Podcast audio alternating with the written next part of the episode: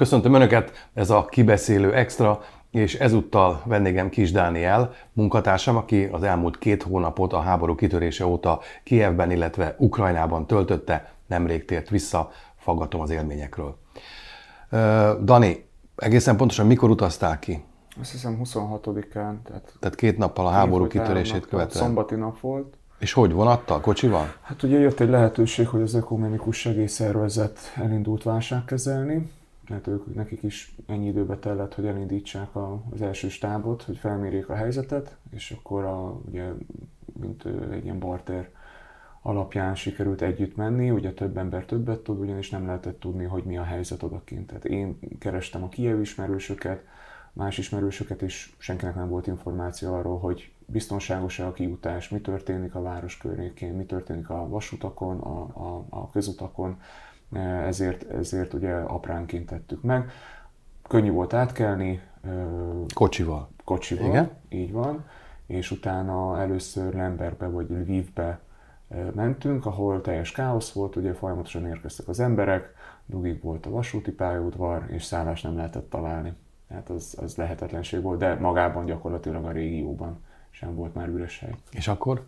Hát utána az volt, hogy, hogy kerestük a, az egyik ilyen foglaló oldalon, találtunk egy, egy, szállást, amire négyen érkeztünk meg egy szobára, ez a kétfős szoba volt, és akkor kikönyörögtük, hogy akkor most négyen, akkor ha kell többet fizetünk, hogy el, el tudjunk férni. A, a recepciós pedig csöppet idegbeteg volt, nem volt bunkó, hanem egyszerűen fáradt volt, mert egész nap jöttek a telefonok, mert ugye a, a, az internetes oldalon mindenki kereste, mindenki foglalt, utána hívták, és azt mondta, hogy az utóbbi három nap az erről szólt. Mennyi ideig voltatok Lembergben, Lvivben? Azt hiszem három nap, három nap alatt ugye nagyjából megvolt a sztori. Tehát ott az volt, hogy ez egy, egy menekült hullámnak, vagy egy menekült válságnak az egyik központjává vált, ugyanúgy a, a segélyezés, a, a menekült elosztásnak a központjává vált, mert ez, ezt tekintették a legbiztonságosabb városnak, hiszen közel volt Lengyelországhoz, Szlovákiához, sőt, ugye Magyarországhoz is. Ez ugye, ha azt mondod, hogy három napot voltatok ott, akkor a háború kitörését követő ötödik napon negyedik, ötödik, hatodik napon járunk. Ekkor már azért elindult Ukrajna belsejéből nyugat felé az a menekült áradat, amely aztán el is érte a határokat, és pillanatok alatt fölugrott egy-másfél millióra azoknak a szám, akik át is keltek.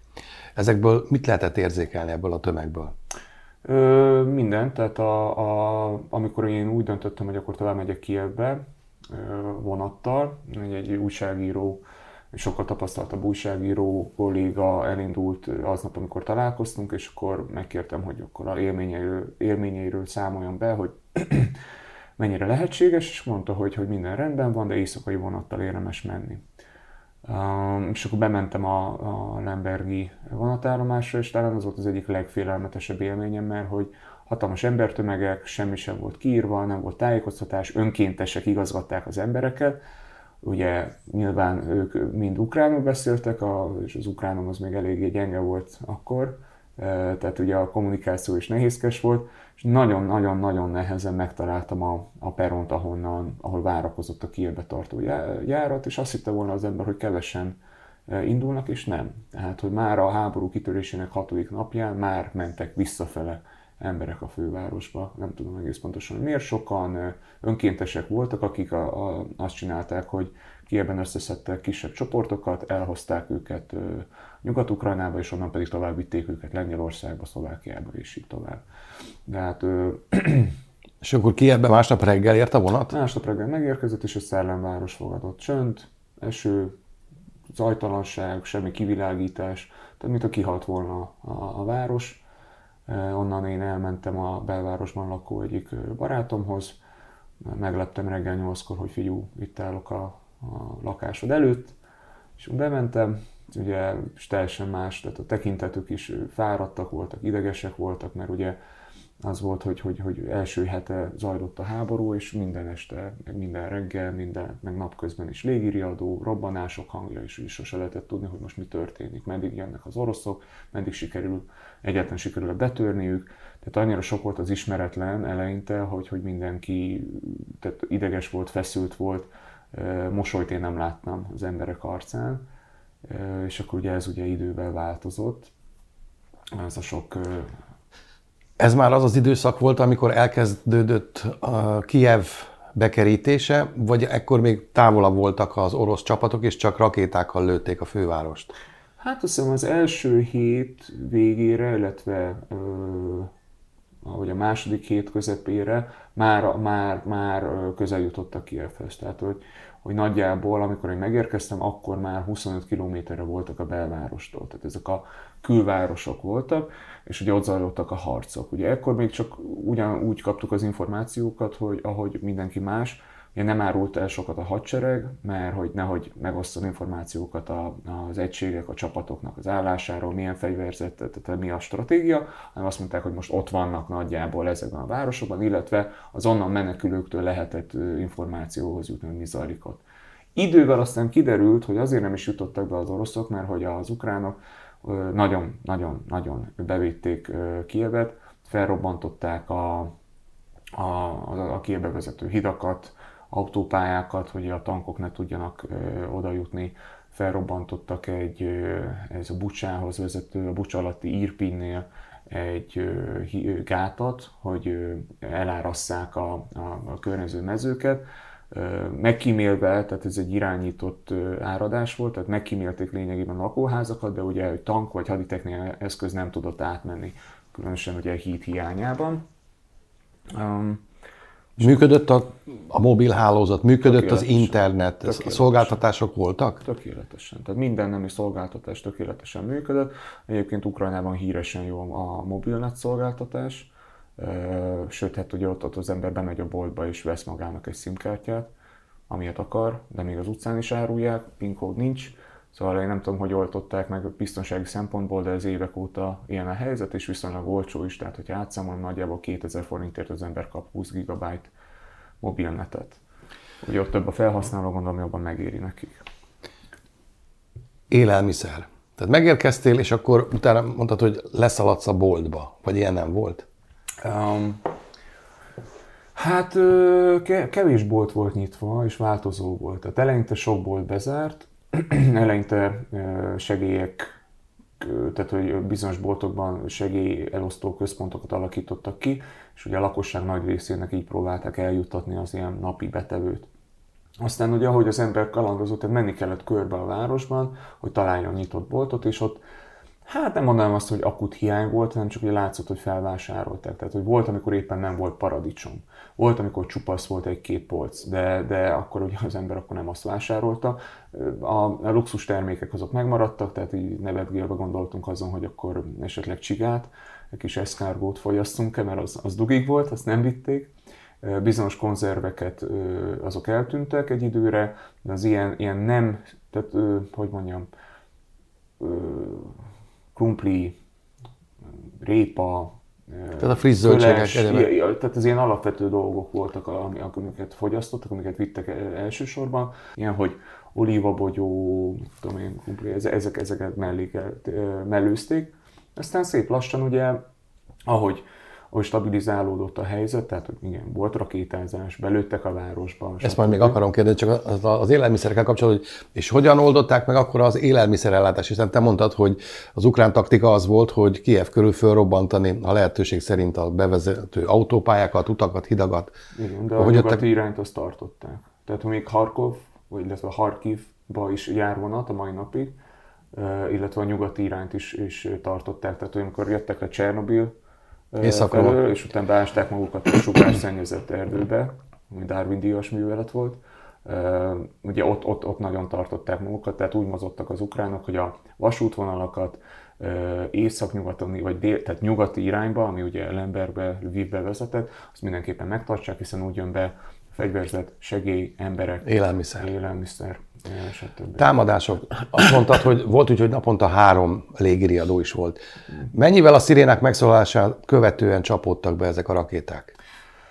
Ö, ugye idővel rájöttünk, hogy, hogy itt nem arról van szó feltétlenül, hogy most Kievre vagy, vagy a, a belvárosról lőttek ki valamit, hanem valószínűleg a, a rendszer úgy működik, hogy, hogy amikor történik egy kilövés, tehát valamilyen objektum felemelkedik bizonyos irányból a levegőbe, akkor bemérik azt, hogy nagyjából hol, milyen, milyen sávba tud becsapódni egy rakéta. Tehát Lemberben, vagy akár Kárpátalján is azért szólal meg a régi riadó, a sziréna, mert a Fekete-tengerről kilőttek valamit, és az mehet Lvivig, de valójában Odesszát találta el. Szóval ez egy ilyen elővigyázatosság, meg ugye emlékeztetni az embereket, hogy még mindig háború van. Kievben folyamatos robbanásokat lehet lehetett hallani az első másfél hónapban a levegőben. Tehát, hogy, hogy azt néztük, hogy a város környékéről valószínűleg rakétaelhárító rendszerek működtek, és ballisztikus rakétákat lőttek le valahol a magasban, mert hogy ezek a, amikor látta az ember a kilövést, akkor nagyon magasba emelkedett, és utána eltűnt valahol. Tehát ugye, hogy már szemmel nem volt látható a védekezés. A, ugye, ami, ami csapás mértek, azok szárnyas rakéták voltak, a városra, ezek robotrepülőgépek, ugyebár, hát ezeket az ember beprogramozza, és akkor nagyjából célba is találnak. Hogy miért lakóházakat támadtak, az egy rejtély. Valószínűleg ugye összefügghet azzal, mint a, bucsai mészárlás, tehát megtörni az embereket, félelemben tartani őket, feszültséget generálni. Ennek is volt egy érdekes technikája, hogy nagyon gyakran ezeket a rakétákat a lakóházak elélőtték, tehát nem teli találat a felső emelet, hanem elé, és ugye azt néztük, hogy, hogy valószínűleg azért, mert hogy, hogy a robbanástól tűz keletkezik, és egy rakétával egy egész lakóházat tönkre lehet tenni, hiszen a, ugye a, a tűz felfelé terjed.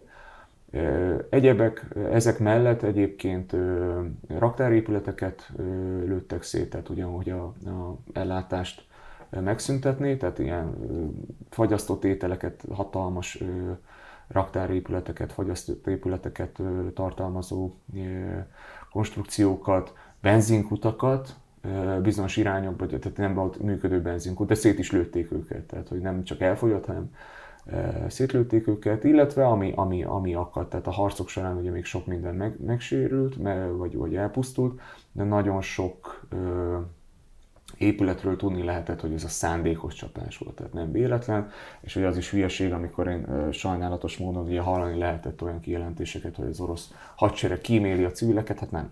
Hát nem. Tehát, hogy, hogy ott indokolatlanul történtek belövések a városba, te jártál Bucsában? A bucsai mészárlás helyszínén? Így van, jártam. Mennyivel később, mint ahogy a hírek érkeztek? Sokkal később, mert a, ugye először Bucsába tehát válogatott fotósokat, riportereket engedtek be, nem sokat. Tehát ezek nagy hírügynökségek emberei voltak, illetve nagy nemzetközi médiumok emberei. A legtöbb újságírót később engedték be, egyfajta, hogy amikor már elkezdték azonosítani a halottakat, elvitték az utcáról, stb. Tehát a, a halottakat elsősorban vagy egy nagy hírügynökség munkatársa, vagy pedig a, a katonaság tudósítói, tehát a katonai újságírók fényképezték. Én azért nem mentem, mert hogy, hogy tehát nehéz, nehéz volt a bejutás. Tehát tök mindegy, hogy az embernek milyen akkreditációja volt, igazából minden kapcsolati alapon működött. Tehát nekem van egy emberem, aki el tud vinni oda, az, az szuper. Vagy van 3, 3 500, 300-500 dollárom napi szinten, hogy fizessek egy, egy olyan fixernek, ugye ilyen mindenesnek, ügyintézőnek, aki, akinek ugye megvannak a kapcsolatai, és ő el tud vinni. Tehát így, így, így jutott el mondjuk a Los Angeles Times-nak dolgozó fotós Mariupolba. De ez pénzbe kerül. A, én Bucsa helyett ezért keletre mentem, nekem a, a kapcsolataim azok oda tudtak elvinni, és ezek kisebb falvak voltak, kisebb települések, eh, ahol, ahol ugye azt tudtuk felmérni, hogy, hogy ott hogyan viselkedtek a, a megszállók, és ugye Bucsában, meg amikor később mentem, hirtelen érthető volt, hogy ott, ott miért úgy viselkedtek. És miért? Bucsa az gyakorlatilag magyar viszonylatban, vagy budapesti viszonylatban egyfajta budaös. Egy nagy Budakeszi, tehát egy nagyon kellemes, az utóbbi 15 évben kiépült kertváros, modern épületekkel, betonozott utakkal, tehát nagyon szép, ugyanúgy Irpiny is.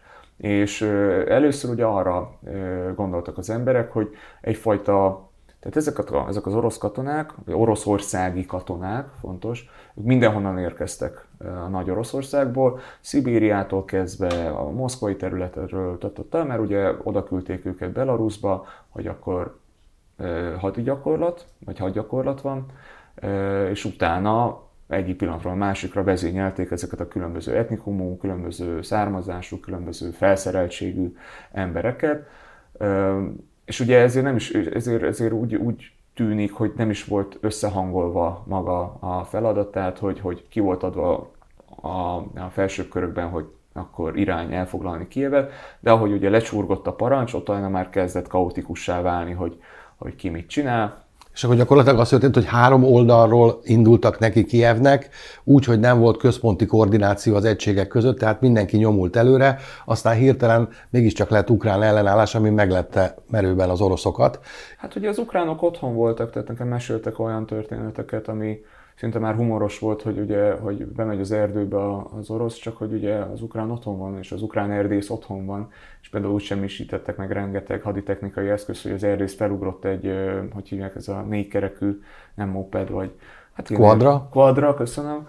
Mögé, mögé ugrott a katona két-három javelinnel, vagy páncéltörővel, mentek az erdőben, tu, tu, tu, meg volt a három tank, és akkor mentek vissza. Tehát ugye gerilla hadviselést is tudtak folytatni, sőt, hát ugye általában az volt, hogy, hogy nem ö, történtek ö, páncélos csaták, hanem vonul a tankonvoly, és az ukránok pedig oldalról kapják őket. Tehát ilyen partizán, partizán akciók Térjünk vissza Bucsához. Hát azt mondtad, hogy ez egy kertvárosias rész volt, mégis mi, mi hozhatta ki az oroszokból azt, hogy ilyen brutális módon viselkedtek? Hát vannak, akik azt mondják, hogy alapvetően ez egy, egy utasítás volt, tehát hogy vannak, akik azt mondják, hogy itt a, a Wagner csoport, ez a Zsoldos csoport hangolhatta össze az orosz biztonsági vagy titkosszolgálatok.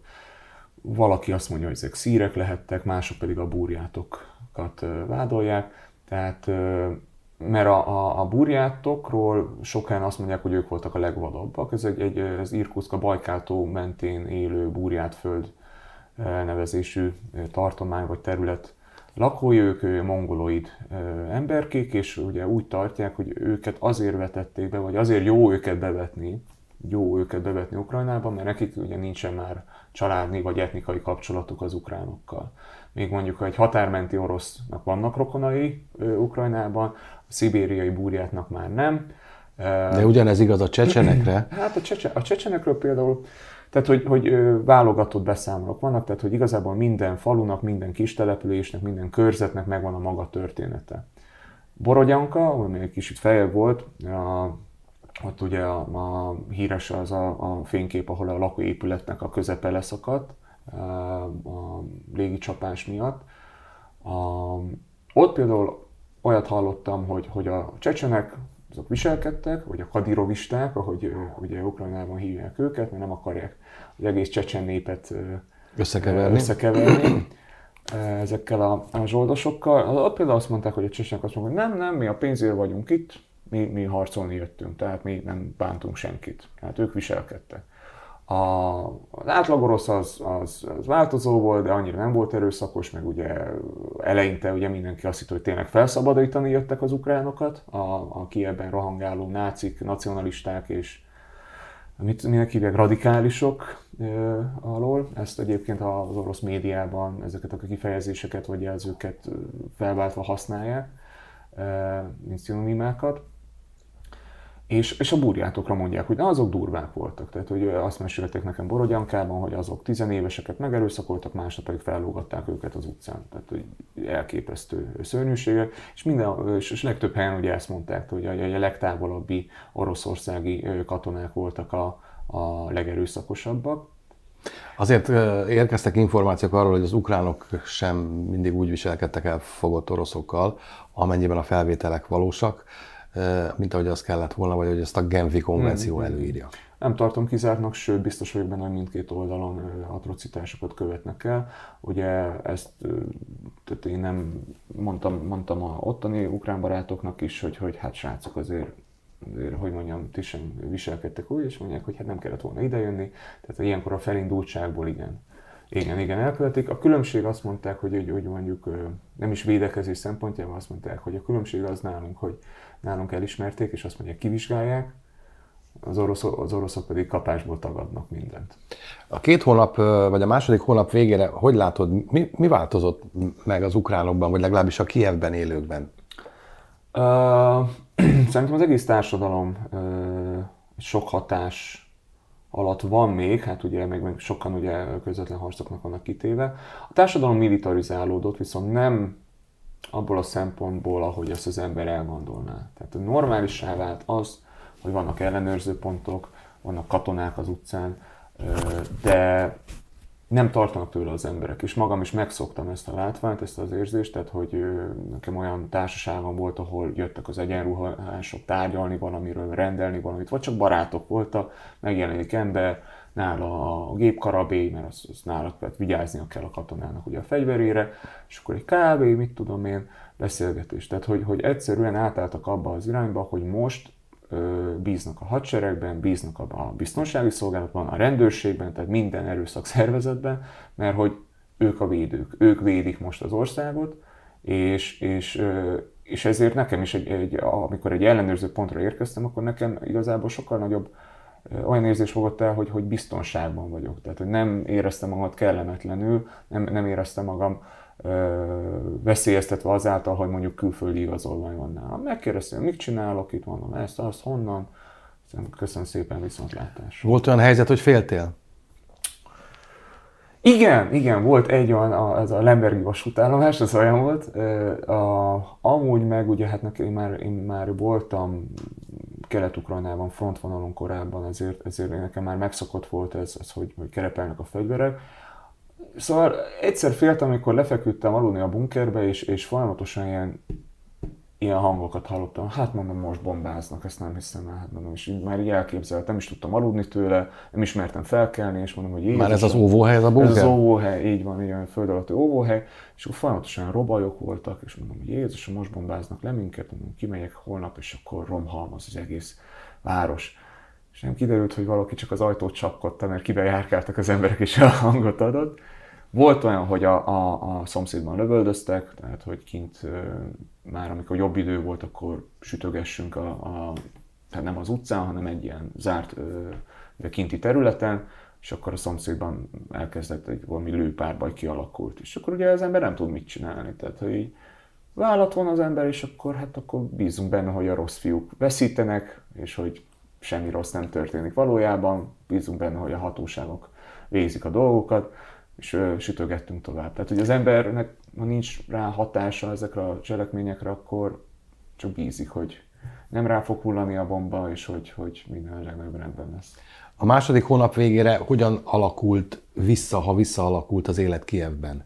Normalizálódott? Hát próbál, csak ugye tegnap is két, ha jól, jól olvas, vagy jól értesültem, kettő rakétatámadás érte a város, tehát ugye így, így nehéz, nehéz, nyit, nyitnak ki az éttermek, amikor jó idő van, ugye egyre több ember van az utcán, tehát hogy visszatért az élet, és úgy néz ki, hogy, hogy ez egy ilyen, ilyen helyzet lesz, hogy, hogy hébe-hóba belülnek az oroszok, és ez az élet részévé válik. Az biztos, hogy mivel a gazdaság nagyon szenved, mivel az ország lakosságának a nagy részének nincs bevétele, nincs munkája, ezért meg fognak tenni mindent azért, hogy valahogy normalizálják a helyzetet, hogy, hogy hát nem mindenki, nagyon sokan azért feszültek, hogy nincs pénzük, elfogyott a pénzük, és akkor mi lesz, hogy lesz a jövőben. A feleség gyerek kint van külföldön, vele mi lesz, tehát, hogy az emberek már az első hónap után, az első sok után, hogy akkor mindenkit biztonságban tudta, a második hónapra kezdtek el gondolkodni azon, hogy akkor hogyan tovább, mi fog történni. Próbálják visszaállítani az életet.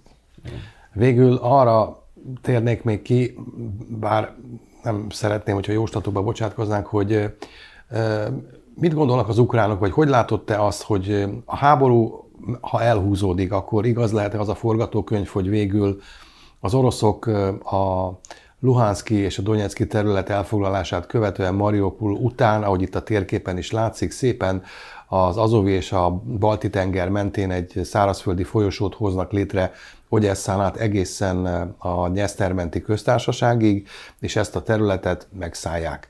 Innentől kezdve az ukránokat elvágták gyakorlatilag a a tengeri kiáratoktól, ami ugye Ukrajna gazdasága szempontjából életveszélyes lett, hiszen az export nagy részét a kikötőkön keresztül bonyolítják. Hát igen, szóval ez nem csak Ukrajnára, de a világ más országaira is, és sőt a világgazdaságra csapást mérnek. De ez valós forgatókönyv? Vannak lent ismerősök, akikkel találkoztam, tehát katonák most délen, a tengernél, tehát a Krimtől nyugatra, és készülnek rá, hogy, hogy valószínűleg a, nem, tehát mindenki úgy számol, hogy most jön mindjárt május 9-e, ez a győzelmi napi felvonulás, a győzelem napja Oroszországban, és ugye addigra fel akarnak mutatni valamit, tehát hogy győztünk, vagy győzni fogunk, és májustól ugye jobb az idő is, a lánctalpasok már nem fognak sárba akadni, ezért, ezért elképzelhető, tehát hogy készülnek erre, sőt arra is készülnek, hogy vissza, megpróbálnak újra visszamenni Kievig.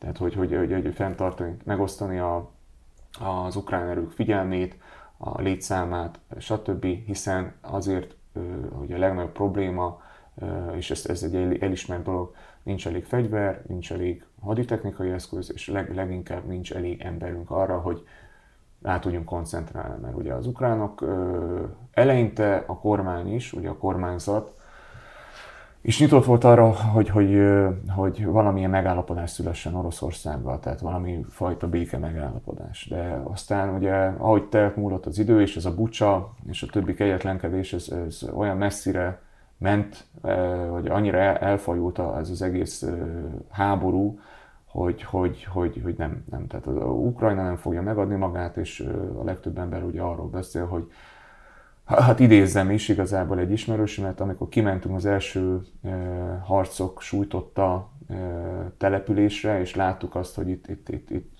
tehát ott éreztük gyakorlatilag, hogy még, még három napja itt, itt emberek haltak meg, itt robbanások voltak, ez pokoli lehetett, akkor rám néz a, a kolléga, és azt mondja, hogy, hogy hallod, tehát hogy most már biztos vagyok benne, nincs más kiút, csak a győzelem. Tehát, hogy, hogy ezt már nem lehet megbocsájtani.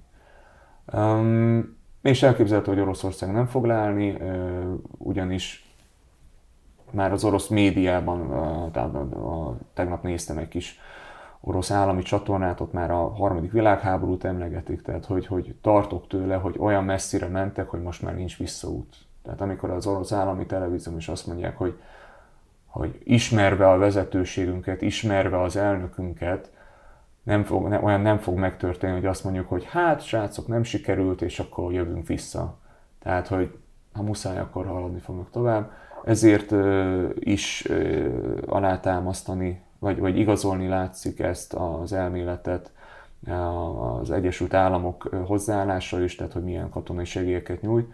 Tehát, hogy úgy tűnik, hogy mindenki egy hosszú, vagy legalább két éves elhúzódó háborúra, elhúzódóra hosszú, gyötrelmes és, és, és sokkal nagyobb áldozatokat, sokkal nagyobb károkat okozó háborúról beszélünk, de ne legyen így. Köszönöm szépen, és örülök, hogy épségben visszatértél, és el tudtad mondani ezt a nézőknek és a hallgatóknak is. Önöknek pedig köszönöm, hogy velünk tartottak, a kibeszélő extrát látták, viszontlátásra!